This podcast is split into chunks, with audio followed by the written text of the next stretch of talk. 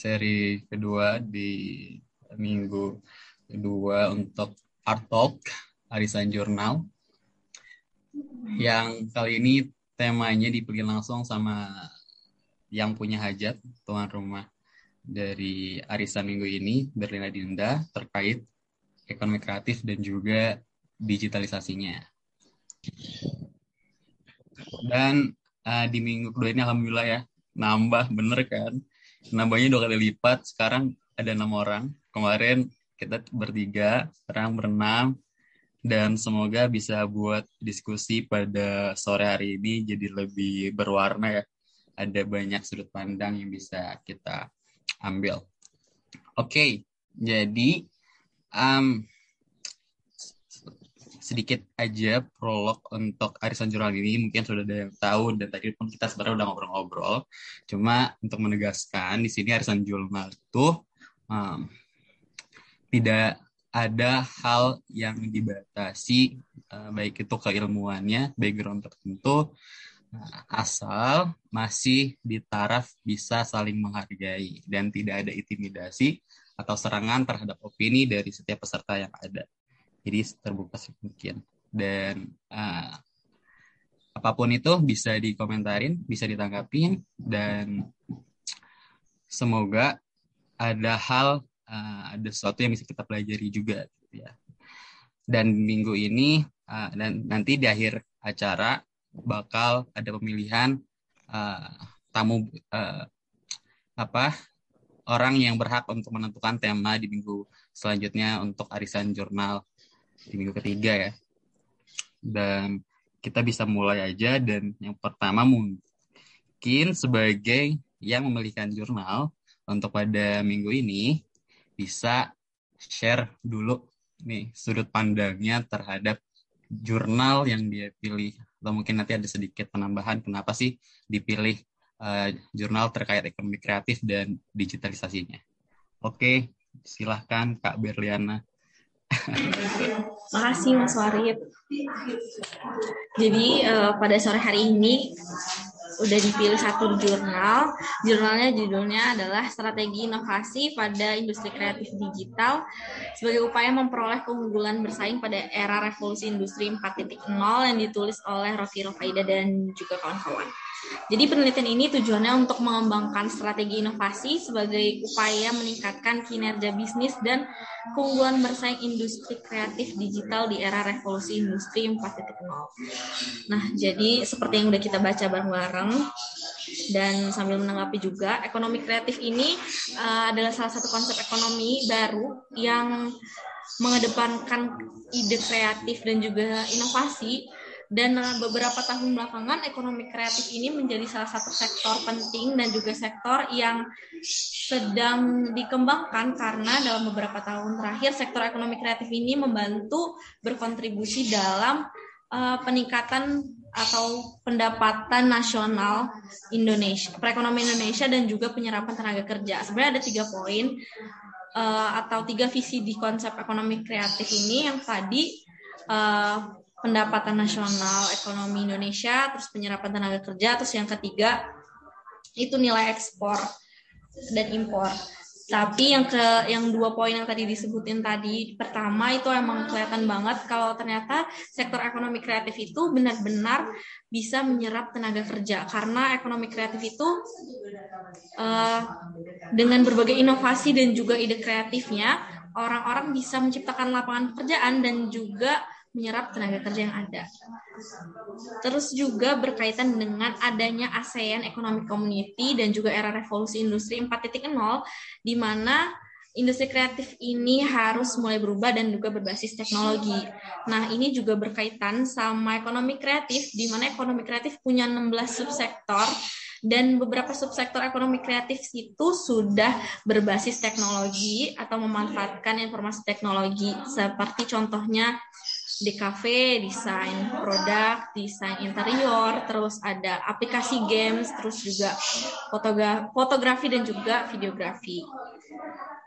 Nah, jadi di pen, di jurnal ini uh, yang menjadi studi kasusnya adalah provinsi ah ya provinsi Jawa Barat. Provinsi Jawa Barat ini ditetapkan sebagai pusat unggulan industri kreatif digital dan juga Provinsi Jawa Barat ini mempunyai kegiatan uh, ekonomi kreatif di bidang digital yang cukup besar. Nah, gitu. Terus itu Nah, ini. Jadi dalam ekonomi kreatif itu juga terdapat uh, beberapa ini beberapa kendala. Nah, beberapa kendalanya itu adalah adalah tantangan pasar yaitu tantangan yang terkait dengan perilaku konsumen yang memiliki kemampuan memilih produk digital secara lebih selektif karena akan ada banyak banget pilihan uh, di luar sana dengan kemudahan teknologi yang ada. Terus itu juga persaingan di antara pelaku usaha industri kreatif digital. Nah, kendala-kendala ini salah satu kuncinya adalah untuk bersaing dengan kendala tersebut adalah strategi inovasi, di mana uh, setiap pelaku usaha ekonomi kreatif itu perlu uh, melakukan inovasi-inovasi yang semakin terbaru berdasarkan kreativitas masing-masing supaya mampu memenuhi kebutuhan masyarakat. Gitu. Terus selanjutnya itu seperti yang kita baca bareng-bareng. Nah ini ada beberapa ada beberapa indikator yang dilihat dalam penelitian ini. Ada delapan. Salah satu uh, beberapa itu adalah pengetahuan tentang teknologi baru yang ditetapkan terus fokus terhadap riset dan pengembangan. Ini juga penting karena riset dan pengembangan itu termasuk salah satu bagian dari ekosistem ekonomi kreatif itu sendiri karena berkaitan dengan sumber daya manusia karena ekonomi kreatif itu juga basisnya adalah kreativitas kan pasti asalnya dari sumber daya manusia itu sendiri. Terus yang ketiga ada investasi untuk pengembangan produk baru terus ada juga uh, keterbukaan bisnis atau perusahaan terhadap ide baru terus ada juga penilaian bahwa inovasi merupakan bagian dari kreativitas. Kemudian adanya dorongan untuk selalu mengembangkan bisnis keterlibatan seluruh komponen perusahaan dalam proses inovasi dan juga reward system bagi karyawan yang kreatif dan juga inovasi. Nah, jadi dalam ekonomi kreatif ini juga ada tiga pendekatan yang sangat penting yaitu adalah eksplorasi, eksploitasi dan juga learning.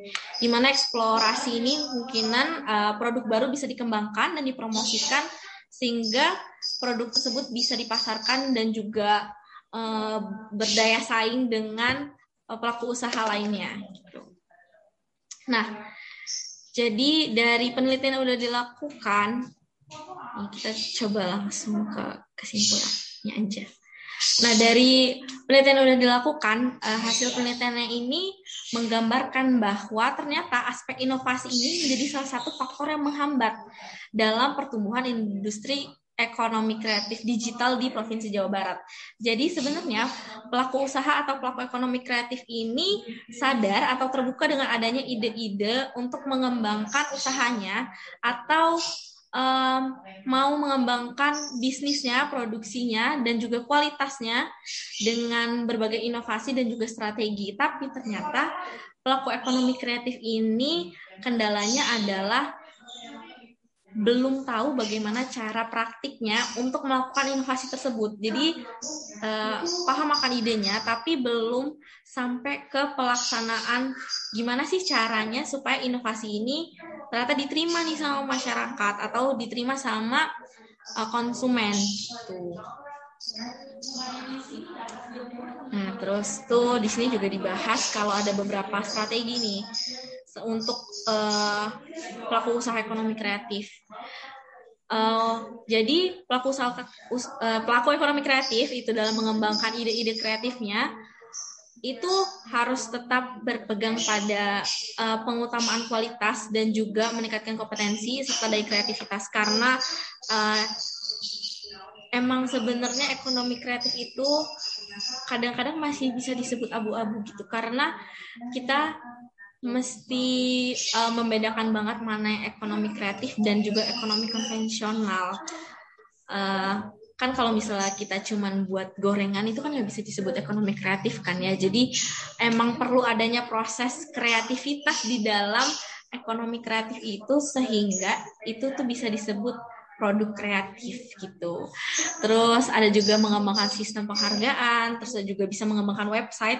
Balik lagi ke uh, basis yang digunakan untuk mendukung revolusi industri ini yaitu teknologi.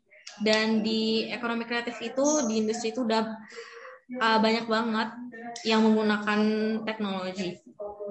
Terus berkolaborasi dengan social influencer ini ini udah musim banget kan ya sekarang. Kalau misalnya uh, social influencer itu bisa ngebantu dalam promosi produk-produk uh, yang ditawarkan karena punya apa ya punya ya punya punya kekuatan untuk menginfluence Terus ada memanfaatkan media sosial sebagai sarana atau tools promosi. Ya karena karena semuanya sekarang emang serba online dan serba teknologi dan pasti media sosial itu menjadi salah satu tempat promosi yang sangat amat baik dan juga bisa digunakan.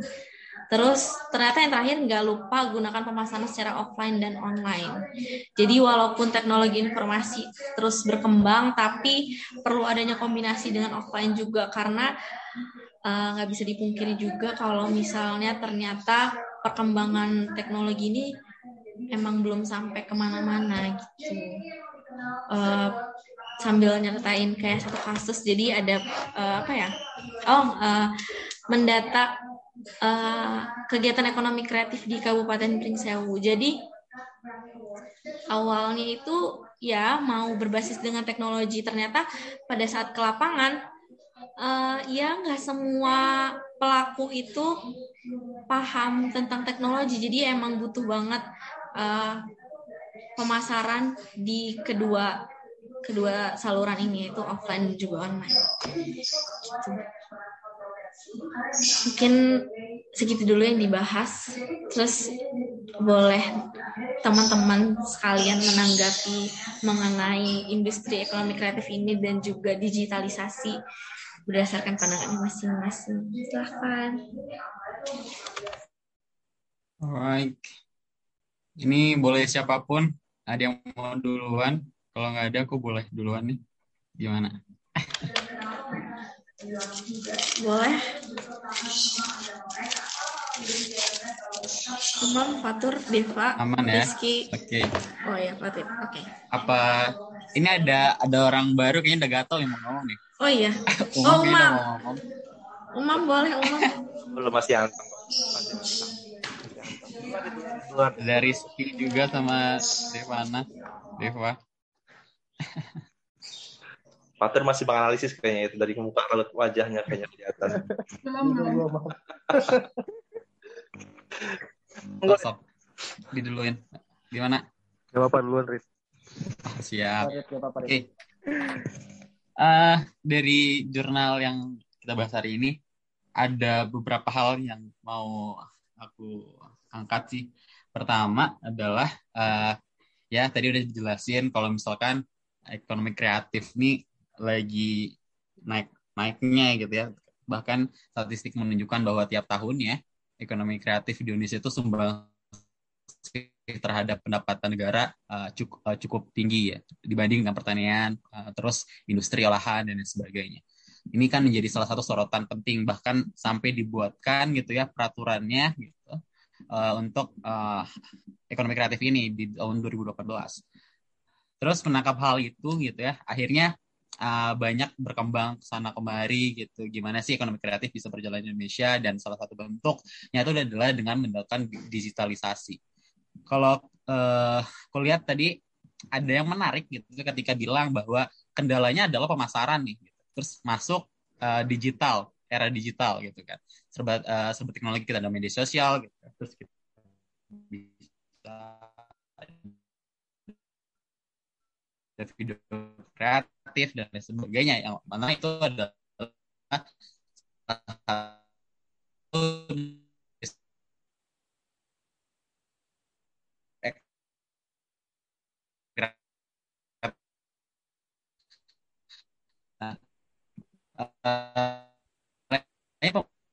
pasti akhirnya ada persaingan yang tidak sehat. Misalkan persaingan tidak sehatnya banting harga. Mereka bisa biasa uh, si apa desainer A uh, buat satu misalkan pakaian itu dengan harga budget 20 juta di uh, misalkan di wilayah tersebut. Lalu banting harga si pesaing B ini ya 5 juta bisa lah sosok gitu. Akhirnya ini ada persaingan tidak sehat. Di sisi lain kita uh, dituntut pelaku usaha ini untuk punya kompetisi yang tinggi gitu ya punya inovasi tapi juga ada yang tidak bertahan ini gitu yang tidak tidak bisa mengikuti zaman ini dengan teknologi dengan digitalisasi ini akhirnya uh, apa menurunkan kualitasnya menurunkan harganya gitu dan sebagainya. Padahal tadi aspek inovasi dan, dan di lain sisi lagi gitu ya dijelaskan di jurnal itu ternyata oh inovasi ini kok malah menghambat pertumbuhan adanya usaha gitu. Ini gimana gitu? Uh, di uh, malah jadi menghambat usaha. Ternyata inovasi adalah faktor yang bisa menghambat pertumbuhan usaha tersebut. Tapi eh, inovasi di, uh, pelaku usaha dituntut untuk punya inovasi untuk berkompetisi. Nah ini ada ada hal yang uh, masih miss gitu ya. Apa persepsi kita uh, persepsi aku pribadi gitu ya untuk menangkap uh, di, di bagian mananya gitu. Karena lagi-lagi uh, kan kita akan bisa membedakan mana namanya ekonomi konvensional kreatif gitu. Ya walaupun misalkan bedanya tipis-tipis lah gitu. Ada yang kreatif itu kan sebenarnya penilaian kita terhadap sesuatu juga ya. Misalnya kita bisa anggap itu kreatif banget kreatif aja atau nggak ada kreatifnya. Jadi ya ini akan uh, ada ada hal yang uh, berbeda gitu kan. Makanya akhirnya orang yang menyerah orang yang punya pesimis gratis itu ada ambil jalan misalkan dengan pemasarannya udah deh gitu uh, kita lempar aja deh ke misalkan ke uh, apa namanya artis Instagram A gitu terus dia uh, influencer gitu untuk mamerin. Tapi sementara dia nggak ningkatin kualitasnya itu sendiri hmm. kan jadi, hal yang ini juga gitu. Uh, dan tadi sebenarnya Beri ngasih ngasih satu studi kasus di Pringsewu gitu ya pas mau ternyata pelaku usahanya benar di lapangan itu tervalidasi gitu ya. Di lapangan pelaku usaha ini juga nggak semuanya melek teknologi kok nggak semuanya juga paham teknologi. Nah ini biar menggeliatkan ekonomi kreatif di Indonesia itu gimana nih jadi sebenarnya gitu kan? Uh, dengan era digital ini gitu apa yang pertama harus di apa yang pertama harus dimasukkan gitu ya ke, ke apa cara mengedukasi mereka gitu pelaku usaha ini gitu untuk bisa uh, melek teknologi menggunakan uh, media sosial sebagai pemasarannya atau misalkan e-commerce dan lain sebagainya. Ini dengan sisi lain dengan kemudahan pemasaran tersebut ternyata meningkatkan kompetitif dan akhirnya ditutup inovatif, inovatif tapi inovatif ini malah justru menghambat. Ini kan jadi satu loop, loop looping negatif gitu loh looping yang tidak berkesudahan tapi justru uh, menghambat itu untuk berkembang. Aku sih menyoroti hal itu. Kalian gimana?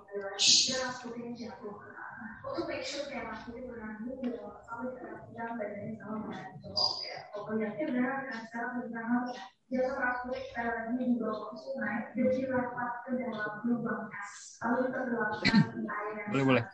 Silakan. Sangat ngaji terima kasih tadi sedikit menyinggung agak kecil mam. Suaranya sorry. Terima kasih. Berdi menarik jurnalnya mengenai digitalisasi dan juga terima kasih tadi sudah sedikit disinggung mengenai pemahaman ataupun arti dari ekonomi kreatif. Karena tadi saya jelas sedikit agak, agak kaget. Oh iya juga ya saya belum menemukan aku dari uh, ekonomi akhirnya saya, cek gitu kan menarik juga tadi bahas Waris memang ada sebuah bahasa umumnya perputarannya kayak tidak akan dan lain sebagainya. Jadi kayak seperti ada sebuah lingkaran yang tidak tidak berujung di mana. Growth-nya itu mau ke mana? Itu pendapat saya. Sehingga memang memang cukup sedikit uh, mengejutkan menurut saya ketika memang uh, hasil dari penelitian ini anggap bahwa inovasi merupakan sebuah tantangan hmm, dalam sebuah proses uh, ekonomi kreatif untuk mencapai sebuah tujuan yang lebih tinggi lagi sehingga memang mungkin mungkin adalah di sini kan memang sudah dijelaskan bahwa terdapat tiga tantangan. Tiga tantangan dari ekonomi kreatif. Baik itu dari sisi kreatif, dari sisi pasar, maupun dari sisi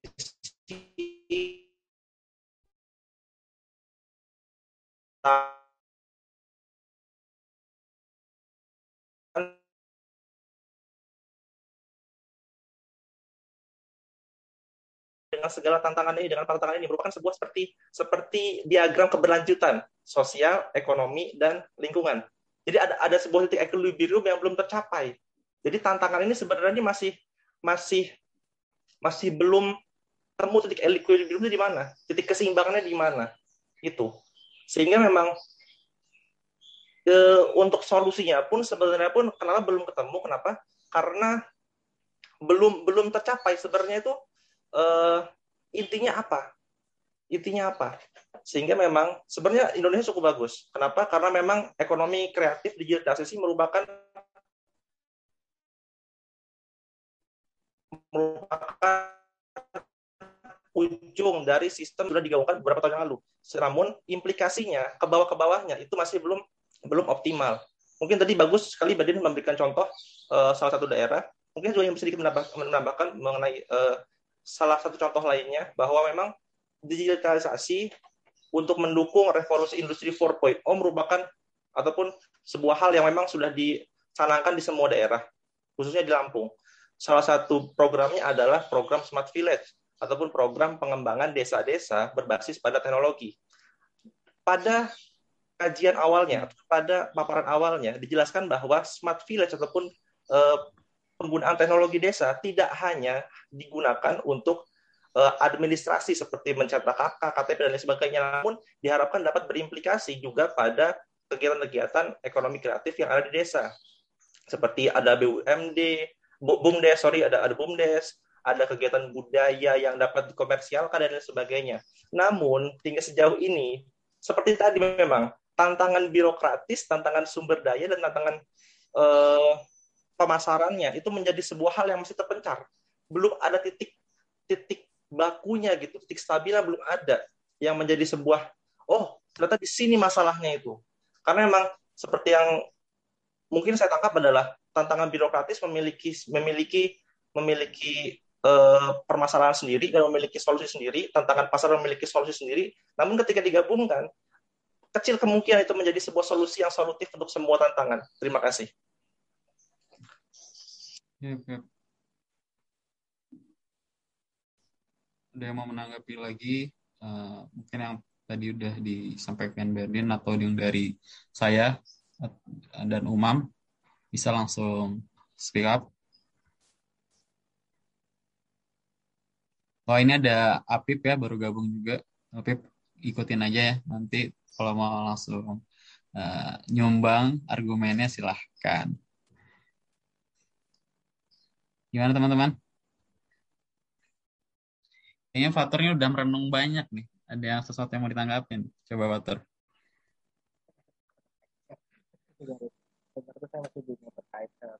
Karena kemarin juga kalau nggak salah Fatur penelitiannya ke desa kan. Terus tadi Umam nyinggung tentang village, this smart village ya. Betul. penelitian yang mana, Rin? Eh, mau nanggapi dan nambahin sedikit terkait uh, agak besarin volumenya tur. Maaf.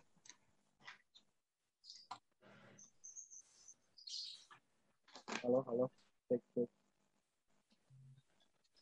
Jelas red kurang eh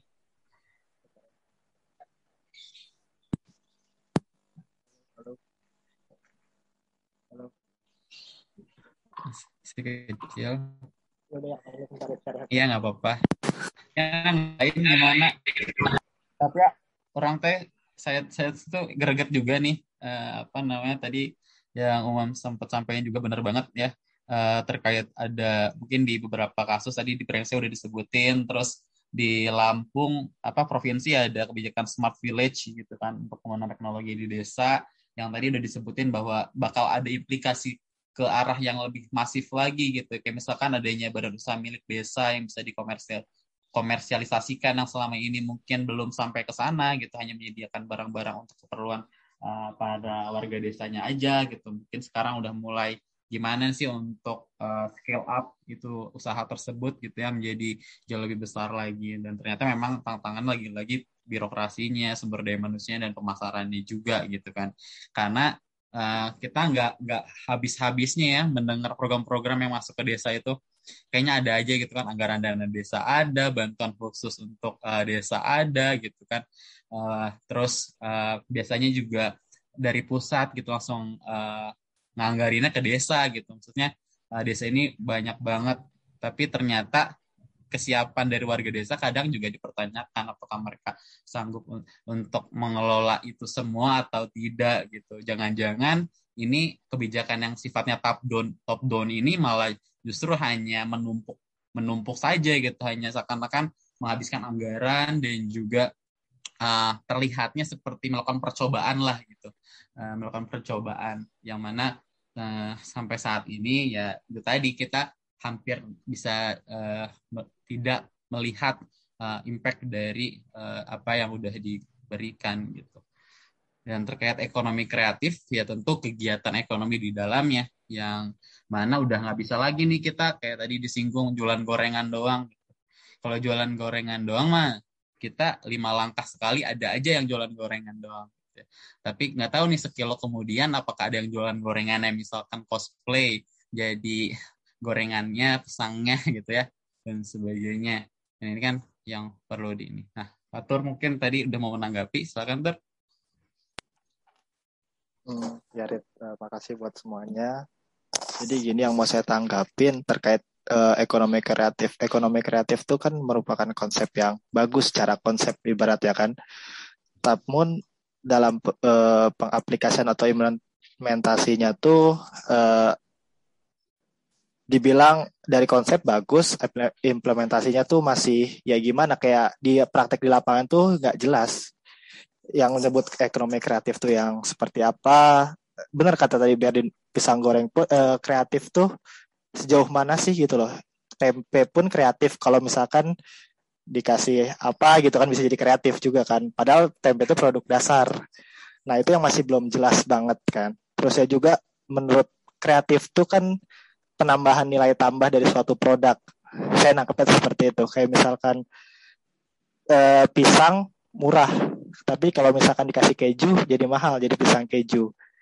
Ada penambahan nilai. Sedangkan eh, penambahan nilai itu kan mena, eh, menyebabkan apa ya penambahan nilai itu menyebabkan penambahan harga dari satu produk itu sendiri kan yang jadi masalah eh, penambahan nilai inovasi itu mahal dan menyebabkan dan dan menyebabkan ya penambahan nilai eh penambahan terhadap harga itu juga dan nggak semua orang tuh eh nggak semua orang tuh bisa beli ibaratnya kayak gitu bisa dikasar ya sedangkan lihat ekonomi juga sekarang uh, lagi turun. Saya, melihat lagi turun daya beli masyarakat pun turun terhadap produk-produk kreatif. Ya berjalan atau enggaknya ekonomi kreatif itu kan dari intinya itu kan dari pemasaran dan ada yang beli. Kalau misalnya nggak ada yang beli pun mau kreatif apa pun minat pasarnya rendah, dia juga nggak akan berkelanjutan. Itu yang menjadi yang masalah utama dari uh, pembuatan dari konsep ekonomi kreatif. Banyak bagi satu pihak, satu kalangan mungkin tertarik dengan kreatif karena emang itu bersifatnya tuh eksklusif. Uh, kayak ibaratnya, oh beda dengan yang lain, handmade itu kreatif. Tapi kan untuk membelinya itu kan perlu biaya lebih karena uh, karena uh, karena produk itu eksklusif ibaratkan kayak baju didesain sama itu cuma satu satu model doang dan yang itu nggak akan sama itu kreatif tapi ada pesaingnya. Oh, kita buat tiruan. Apakah itu masih bisa disebut kreatif? Sama, tapi eh, buat skalanya yang lebih banyak. Kayak misalkan dari industri, kayak gitu, Ber. Atau Rit, MAM, dan lain-lainnya. Apakah itu masih bisa disebut ekonomi kreatif juga? Karena emang kreatif kan cenderung eksklusif. Ya saya nangkep ya cenderung eksklusif, gak bisa sama kayak yang lain gitu loh sedangkan skala ekonomi itu nggak masuk kalau misalkan dibuatnya satu-satu karena emang itu mahal Cina kayak gitu Cina eh, bisa barangnya laku banyak karena emang dia buat skala itu skala besar gitu. Buat lu satu yang kreatif yang bagus nanti dibuat seragam semuanya. Seribu pieces misalkan. Jadi harga tuh lebih turun ibaratnya kan.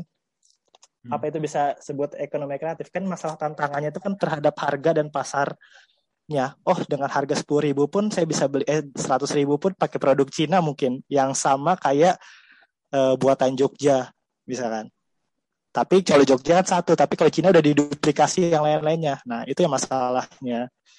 Akan ekonomi kreatif tuh nggak akan bertahan. Kalau misalkan skala ekonominya tuh nggak masuk dan kalah harga saing sama yang lain. Terusnya juga itu dulu deh. Nanti lagi Rit. Bam mohon ditanggapin kalau ada salah mungkin. Nggak nggak. Nggak ada nggak ada yang salah ya. Semua semua pa- pandangan kita dan yang namanya opini nggak pernah ada salahnya Eh, tadi menarik sih. Aku jadi lebih terpetakan dengan sederhana ya dari apa yang disampaikan Fatur. Di Fatur itu eh, intinya tuh yang aku dapat dari Fatur adalah kreatif itu tuh untuk penambahan nilai gitu kan.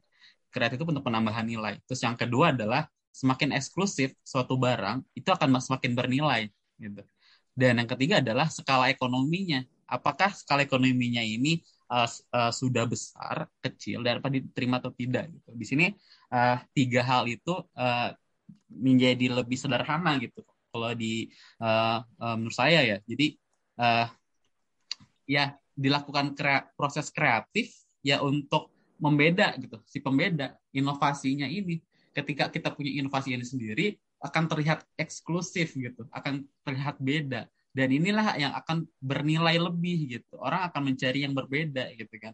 Orang akan mencari yang lebih wah gitu. Kalau bisa kalau kita punya uang lima ribu terus kita mau beli pisang goreng dapat yang biasa itu dapatnya lima pieces tapi kalau kita beli uh, yang udah diolah misalkan jadi uh, pisang goreng kipas angin sudah muncul misalkan itu satunya satu piecesnya udah lima ribu artinya apa? Pembeda ini yang uh, meningkatkan nilai daripada suatu produk tersebut gitu. Karena apa? Karena udah ada satu proses kreatif yang dituangkan. Nah terus ada pertanyaan lagi tadi Fatur bilang bahwa apakah skala ekonomi ini sudah uh, apa menjadi uh, skala ekonomi ini apakah sudah diterima gitu? Apakah ini menjadi masih tetap kreatif ketika ini sudah sudah jadi mainstream gitu kan? Ibaratnya kalau anak-anak kalau di musik itu uh, lagu-lagu indie gitu ya. Lagu indie ini eksklusifnya lah. Yang kita bilang produk kreatif yang eksklusifnya lah. Lagu indie yang cuma misalkan dinikmatin untuk beberapa kelompok aja. Tapi setelah misalkan uh, apa pamungkas misalkan kita kasih contoh pamungkas sudah di label yang lebih di label mayor gitu ya. Terus semua orang mendengarkan pamungkas di Indomaret, Alfamart semua dengerin pamungkas gitu. Kita dengerin tuh jadi nggak uh, lagi terdengar lebih eksklusif gitu nggak terdengar lagi lebih mewah gitu. Karena udah eh udah gitu ini jadi kayak musik uh, musik angkot aja gitu. Istilah kasarnya misal seperti itu. Ini menarik banget sih uh, sudut pandang yang dibawa. Ada lagi nggak dari teman-teman terkait ekonomi kreatif dan digitalisasi ini uh, terutama berdasarkan jurnal tadi? Boleh? Mungkin uh, Rizky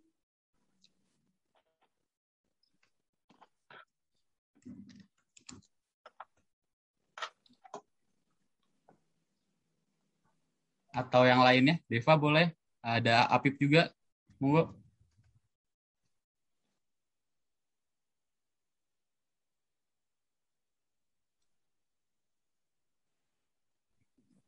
Halo, uh, oke, okay. uh, Bang Kak. Maaf ini baru baru baru join. Soalnya baru tahu tadi juga baru ngebuka IG Bang Warid baru ngasih tahu. Jadi mungkin uh, karena nggak ngikut dari awal ya, Cuman kan tadi ada beberapa hal yang memang uh, Bang Umam udah ngasih tahu gitu ya. Apalagi ngomongin terkait masalah desa yang memang uh, penelitian saya waktu itu uh, nggak waktu itu sih saat masih saat ini gitu ya. Penelitian saat ini tuh ada di desa Pematang Pasir di salah satu desa di Kabupaten Lampung Selatan di Kecamatan Ketapang. Itu desa pesisir. Ini karena kita ngomongin industri kreatif uh, sebenarnya kalau menurut saya ya tadi udah udah sedikit lah membaca jurnalnya memang tidak terlalu dalam uh, kalau kita ngomongin industri kreatif ini kan sebenarnya saya sangat setuju sih tadi kayak kata Bang Fatur, Bang Umam. Kalau memang sebenarnya apakah pasarnya itu memang memang ada. Sebenarnya intinya adalah kalau untuk kemampuan saya rasa sih kemampuan dari masyarakat Indonesia itu cukup ada gitu. Tapi apakah barangnya diminati? Lalu yang kedua adalah pasarnya ada, itu yang selalu menjadi permasalahan sebenarnya. Nah, tapi ada hal lain sebenarnya yang ingin saya bicarakan terkait hal-hal yang mendukung untuk industri kreatif yang ada di desa tersebut gitu. Kalau kita ngomongin industri kreatif yang memang adanya di kota, mungkin sudah bisa dapat berjalan dengan baik. Karena apa? Infrastruktur pendukungnya itu sudah ada. Kita nggak usah ngomongin hal-hal yang lebih jauh. Saya cuma mau nyontohin misalnya masalah air. Sistem perencanaan air minum lah. Yang memang itu kebutuhan dasar bagi setiap orang mau itu nanti di industri kreatif ataupun kehidupan sehari-hari spam itu kan pasti selalu akan ada dan berdampak gitu ke orang gitu sedangkan kalau kita melihat di desa-desa terutama di desa pesisir itu yang potensi desa pesisir desa pesisir itu sebenarnya potensi industri kreatifnya banyak karena memang pesisir itu salah satu uh, wilayah yang dapat apa ya eh, hidup dengan sendiri gitu, hidup dengan mandiri, berbeda dengan misalnya uh, wilayah yang memang ada di pegunungan gitu ya, atau yang memang tidak berada di uh, pesisir. Pesisir itu lebih unik, kenapa? Uh, setidaknya ini yang memang saya belajar waktu itu sama Pak Ao ya, uh, karena mereka bisa menghidupi kehidupan mereka sendiri tanpa memang memerlukan ketergantungan terhadap wilayah lain. Karena kalau kita ngomongin masalah air, sumber air mereka sebenarnya banyak. Tapi memang untuk masalah teknologinya susah. Dan itu masih sangat di apa ya masih sangat dipandang sebelah mata sebenarnya oleh pemerintah saat ini. Dalam artian air itu sebenarnya menjadi hal yang signifikan kalau menurut saya terhadap bukan hanya air ya sebenarnya infrastruktur infrastruktur pendukung lainnya untuk mendukung industri kreatif itu menjadi salah satu hal yang signifikan tapi ini memang perlu penelitian lebih lanjut ya Eh, research lebih lanjut mengenai hal ini. Yang pasti adalah sudah banyak beberapa jurnal yang menyatakan bahwa perkembang uh, peningkatan ekonomi itu salah satu variabelnya adalah uh, salah satu variabel untuk peningkatan ekonomi itu peningkatan kualitas maupun kuantitas dari infrastruktur-infrastruktur terutama infrastruktur dasar jalan air listrik uh, air limbah, sampah, dan yang lainnya ya. Nah, jadi kalau menurut saya, kalau kita ngomongin masalah desa, ini masih sangat, walaupun memang udah ini ya, sudah apa, kayak dana desa itu kan sudah sudah terbilang cukup besar dan memang langsung dari kementerian itu ke desa gitu. Mereka secara finansial mungkin untuk saat ini cukup, tapi untuk secara pengolahan dari memang uh, sumber daya manusia itu sangat terbatas.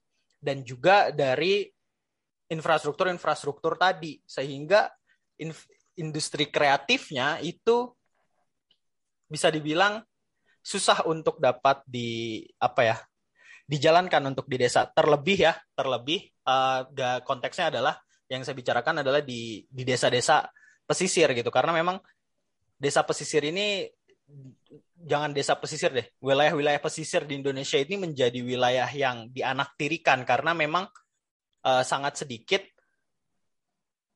uh, kot apa ya desa-desa pemat desa-desa pesisir ini yang menjadi gini deh kalau misalnya kita ngomongin kayak di di mana tuh Undip itu di Semarang.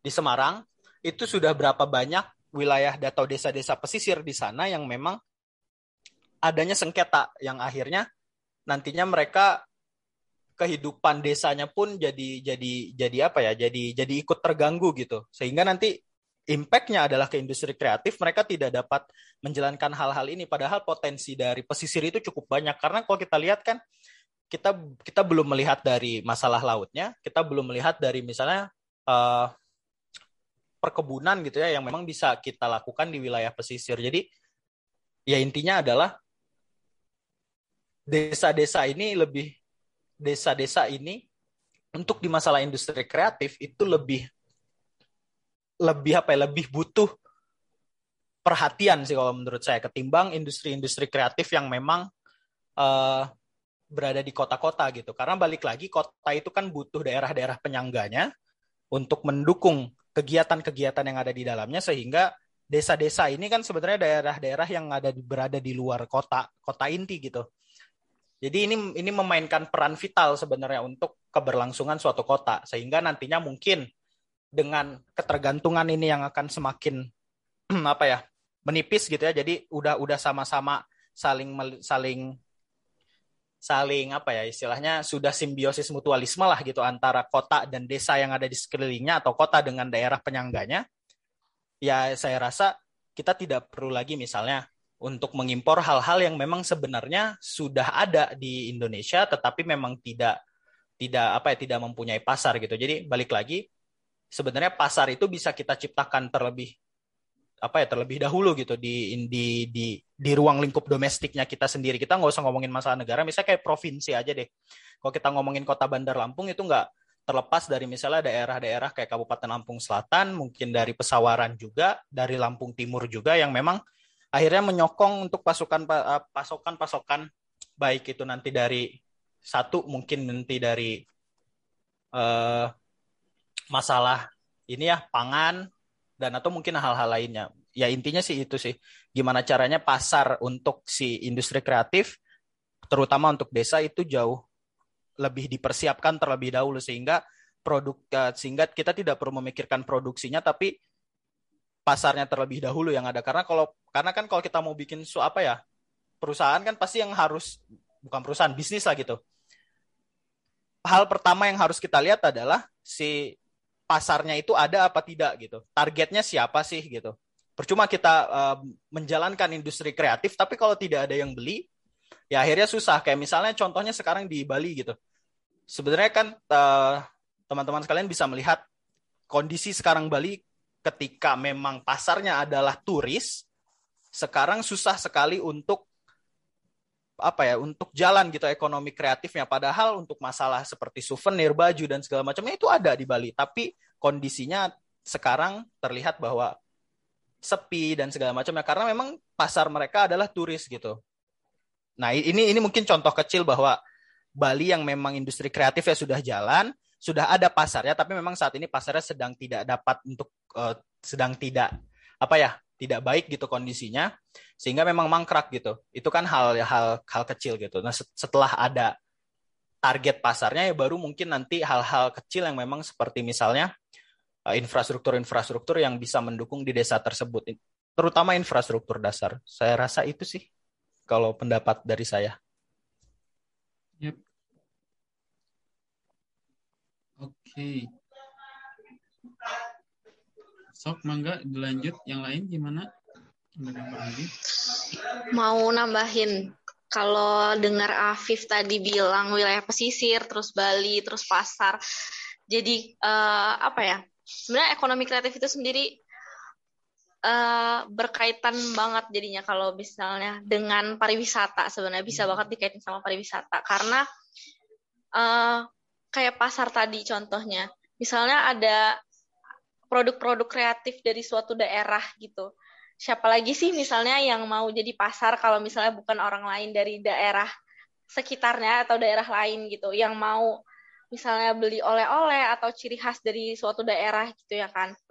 Terus jadi sebenarnya uh, bisa banget mengembangkan ekonomi kreatif itu ditemenin atau berjalanan sama pengembangan pariwisata. Jadi si ekonomi kreatif ini uh, ngedukung pariwisata tersebut.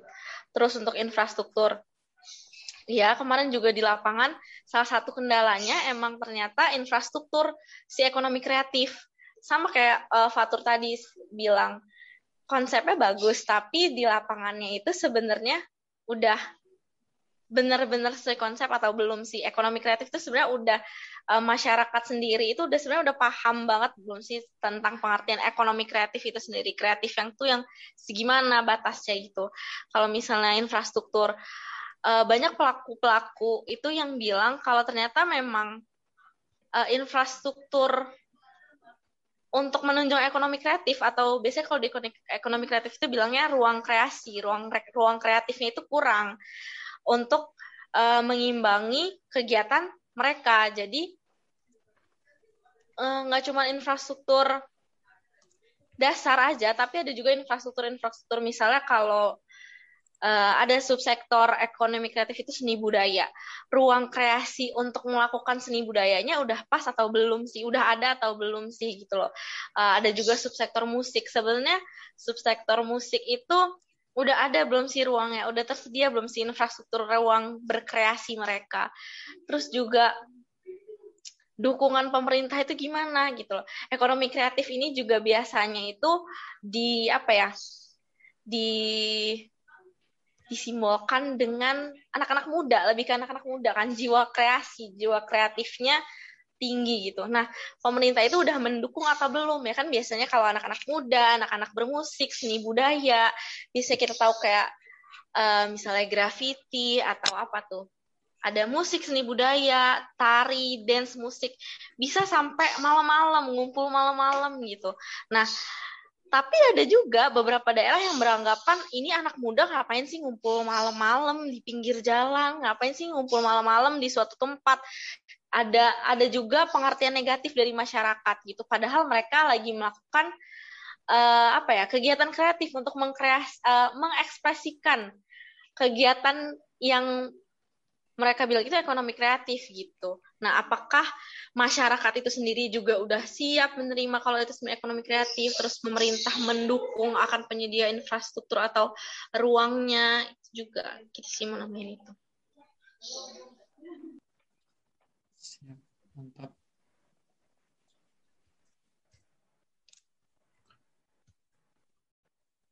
Izin Warid boleh sedikit menambahkan tidak?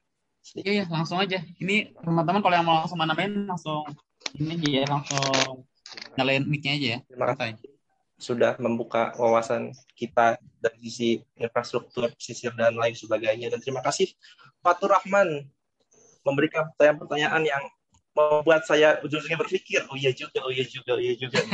terima kasih, terima kasih.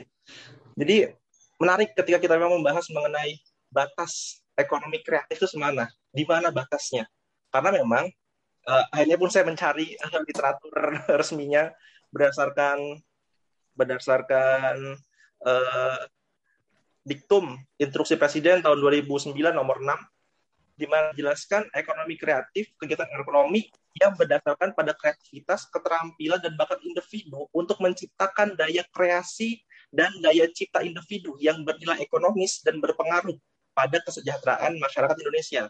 Jadi memang berdasarkan pemahaman ini tidak ada uh, acuan bakunya uh, di mana letak kegiatan tersebut dikatakan sebagai ekonomi kreatif atau tidakkah. Jadi emang tinggal menurut saya sih tinggal impactnya aja, dampaknya. Apakah ketika kegiatan tersebut merupakan kegiatan yang diciptakan secara individu ataupun komunal dan menghasilkan ataupun berpengaruh pada kesejahteraan masyarakat Indonesia.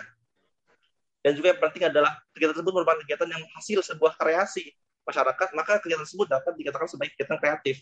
Nah, kembali lagi tadi, Fatur cukup cukup cukup cukup keren untuk memberikan sebuah pertanyaannya dari pertanyaan mengenai limitnya atau batasnya hingga seperti apa pasarnya. Jadi mungkin sedikit saya ingin menanggapi. Mungkin izin ini saya izin share, apa, share sebentar ya teman-teman. Boleh, uh, boleh, boleh. Jadi, Wah, menarik nih. Boleh, bentar tolong udah boleh bisa menarik ketika kita membahas uh, pasarnya di mana di mana di mananya karena sejujurnya seperti yang saya tadi katakan di awal bahwa sebenarnya tantangan yang ada itu ada empat tantangan tadi yang berdasarkan jurnal tersebut menghasilkan solusi-solusi yang belum belum belum koren belum belum koren jadi memang sebenarnya sedikit terjawab dari dari uh, diagram ini jadi ini merupakan salah satu ini merupakan teori teori uh, pemasaran pola kanvas. Okay. Pola kanvas di mana? Bisnis kanvas ya. Hmm, pola kanvas di mana di sini pun memang uh, didetilkan apa jenis ekonominya, apa jenis uh, keluarannya, bahkan hingga pasarnya. Mungkin sedikit ini sedikit saya jelaskan bahwa yang pertama yang pertama dibuka dari customer segment ini menjadi penting kenapa? Karena tadi disebutkan bahwa teman-teman uh, sebenarnya ekonomi kreatif itu pasarnya siapa? Apakah mungkin anak muda kah? Ataukah uh, mungkin pria parubaya kah atau mungkin lain sebagainya. Sebenarnya dalam sistem pola kanvas, pola pemasaran itu sudah disebutkan bahwa ada namanya customer segment, di mana itu merupakan sisi kita untuk uh, memilih dan memilih. Kita punya barang, kita punya sebuah hasilnya. Siapa pasarnya? Kita bisa memilih itu. Pada kita bisa mengkaji itu pada sisi customer segment. Ada juga sisi value proposition setelah customer segment. Ini adalah menghasilkan sebuah nilai ciri khas dari hasil ataupun dari produk yang dihasilkan. Mungkin kita bisa membuat sebuah pisang goreng. Mungkin bisa. Semua orang bisa buat pisang goreng. Namun ada nggak ciri khas, cita rasa khusus yang dihasilkan di pisang goreng tersebut? Ini menjadi sebuah nilai dari value proposition, hasilnya, outputnya. Kemudian setelah ketemu customer segmentnya, ketemu value propositionnya, maka ketemu maka masuk kepada uh, segmen channel. Jadi adalah uh, bagaimana kita bisa memasarkannya. Baik itu bisa lewat direct selling, bisa lewat uh, pameran, bisa promosi online dan offline. Jadi memang ini sudah ada kajiannya. Kemudian juga ada customer relationship. Nah ini yang penting. Jadi setelah kita ketemu pasarnya, kita yang penting adalah bagaimana kita untuk menjaga bahwa pelanggan tetap merasa puas. Jadi memang di sini ada ikatan antara penjual dan pelanggan ini pun ada kajiannya secara pola kanvas dan juga ada namanya revenue stream di mana itu mengkaji ataupun mereview mereview hasil dari penjualan kemudian juga kemudian ada juga key activities. Ini adalah memilah ataupun mengidentifikasi kegiatan-kegiatan apa saja yang dirasa penting dan belum dilaksanakan. Dan juga kegiatan apa saja penting dan dirasa belum optimal pelaksanaannya. Sehingga ada juga kegiatan key partnership ini adalah adanya uh, kerjasama baik itu dengan swasta, pemerintah dan sebagainya, dan juga adanya cost struktur. Jadi adanya uh, kunci lah intinya. Jadi setelah semua ini ketemu, hasil cost adalah perhitungan keseluruhannya. Bagaimana untuk menciptakan sebuah kegiatan yang idealnya. Ada risetnya, ada pendampingan, ada menciptakan kluster inovasi dan lain sebagainya. Ini merupakan idealnya, secara idealnya. Dan juga menurut saya ini dapat menjawab tantangan dari sisi sumber daya manusia, dari sisi uh, sumber manusia dan juga tantangan dari maaf tantangan dari transfer pengetahuan teknologi dan juga dari tantangan pasar terjawab. Namun yang jadi pertanyaan adalah apakah dengan skema yang cukup panjang tersebut secara birokratis, efisien dan efektif?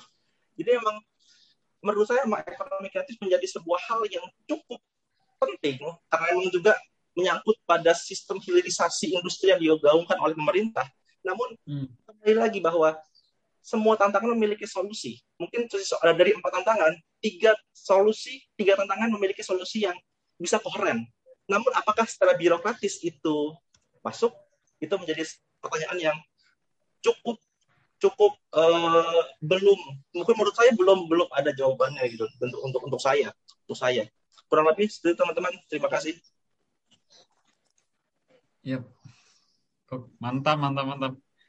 Nah, ini jadi semakin jelas ya ketika kita uh, diperlihatkan oleh Umam gitu terkait bisnis kanvas model ya di sini uh, untuk penggalian ekonomi kreatif di,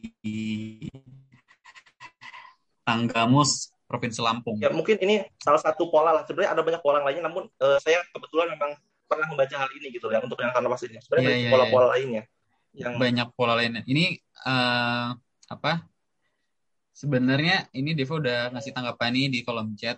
Kita coba baca, uh, tapi mau sedikit aja gitu ya pengen nanggepin agak gatal juga ini terkait apa uh, tadi yang disinggung gitu. Apakah uh, lalu setelah detail tadi, setelah kita tahu tadi semua gitu ya, gimana nih birokrasinya?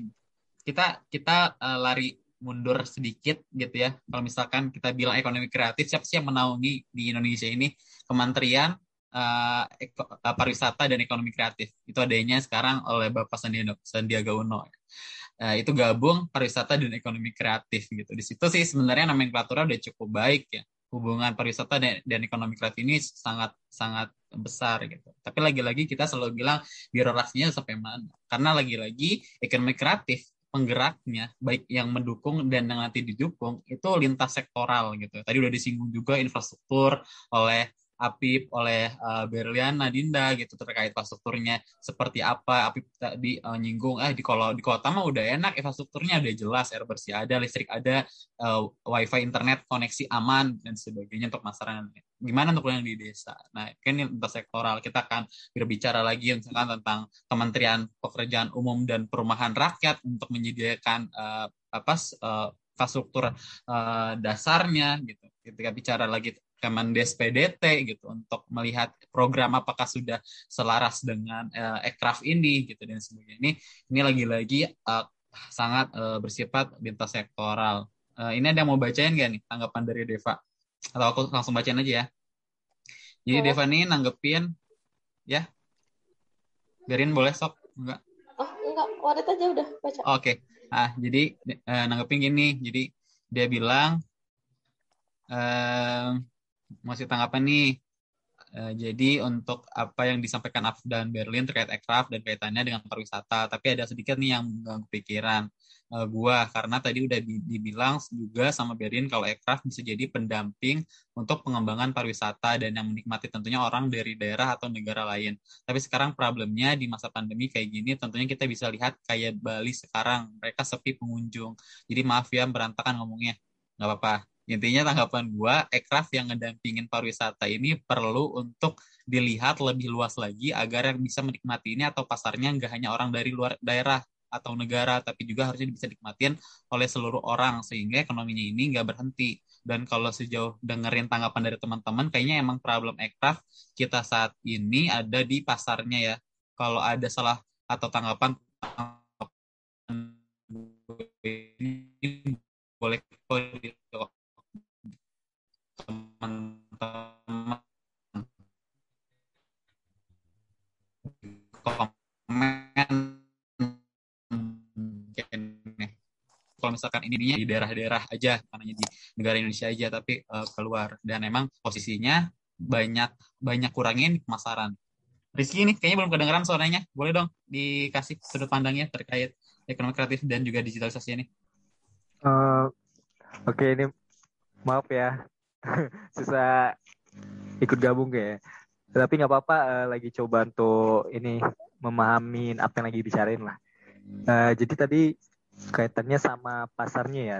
Aku mau nanggapin untuk yang uh, ekonomi ekonomi kreatif uh, kan pemasarannya saat ini terganggu uh, karena uh, mungkin pandemi atau enggak pas uh, pemasarannya itu ada di daerah pariwisata nggak ada orang yang berkunjung. Nah mungkin uh, pemerintah bisa menyiapkan salah satu infrastrukturnya lagi nih yaitu uh, metode pemasarannya karena sekarang juga tadi katanya juga uh, memang udah zamannya online semua.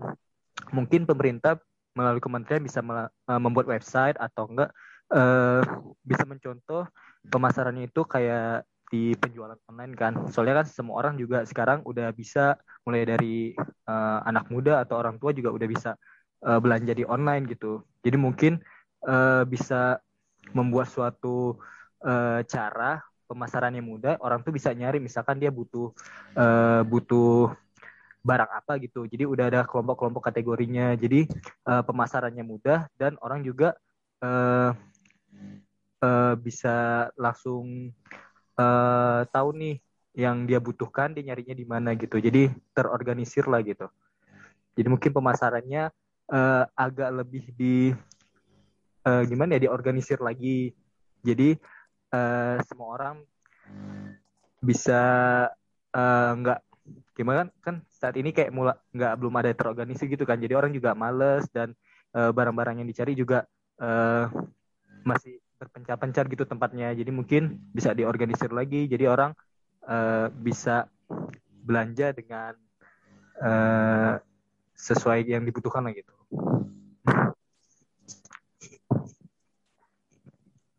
Okay. Ya itu salah satu pendapat lah yang saya tangkap ya. Iya. Yeah.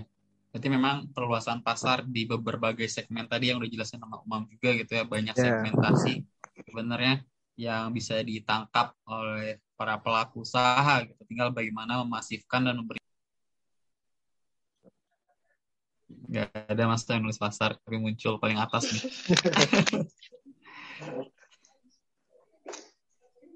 Ayo. Gue juga. Tadi terakhir. Ini pasar Tapi berarti kan kalau belum, kalau belum bes- ngomong masih nyari alasannya soalnya.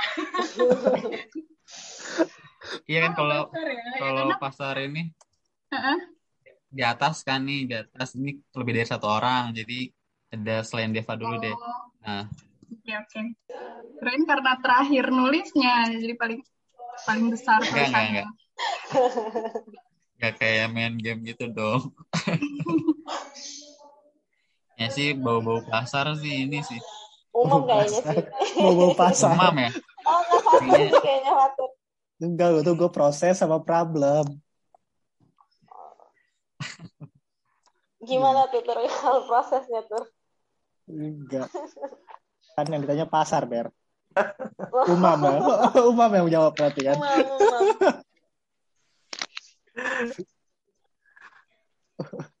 Rizky kali itu diem-diem baik. Ya Ki, boleh Ki.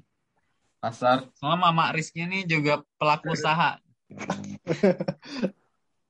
Ya kayak gitulah kan pasar tadi udah dibahas ya pasti menjadi Bener kan? eh,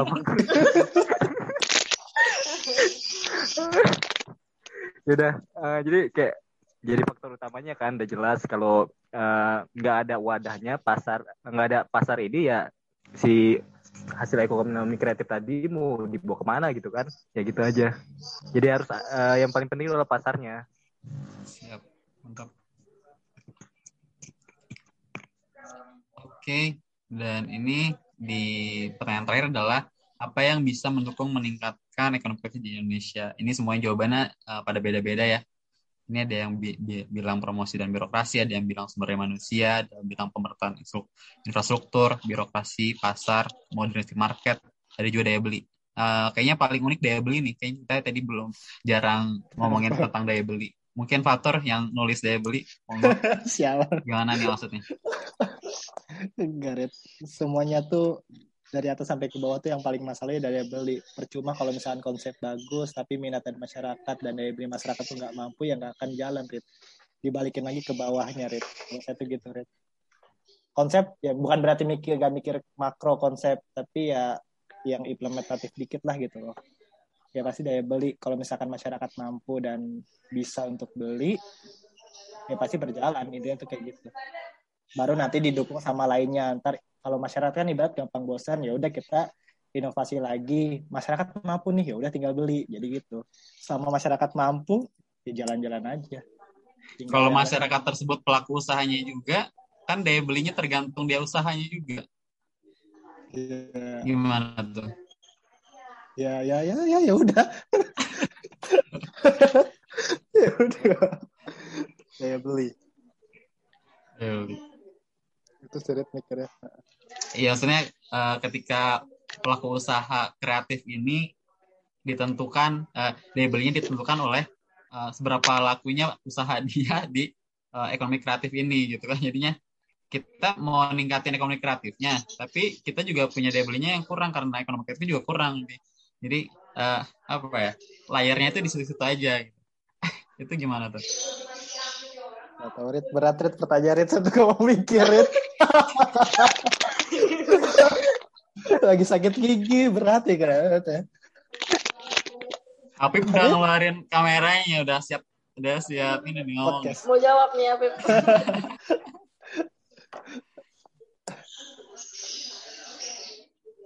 Oke, Rit, Rit. eh, mungkin ada lagi? Kalau nggak ada, kayaknya kita minta tuan rumah arisan jurnal pada minggu ini untuk sedikit apa memberikan pandangan terakhirnya terkait eh, tema hari ini, sekaligus eh, menutup dan melanjutkan eh, pengundian tema jurnal untuk minggu berikutnya, arisan jurnal berikutnya.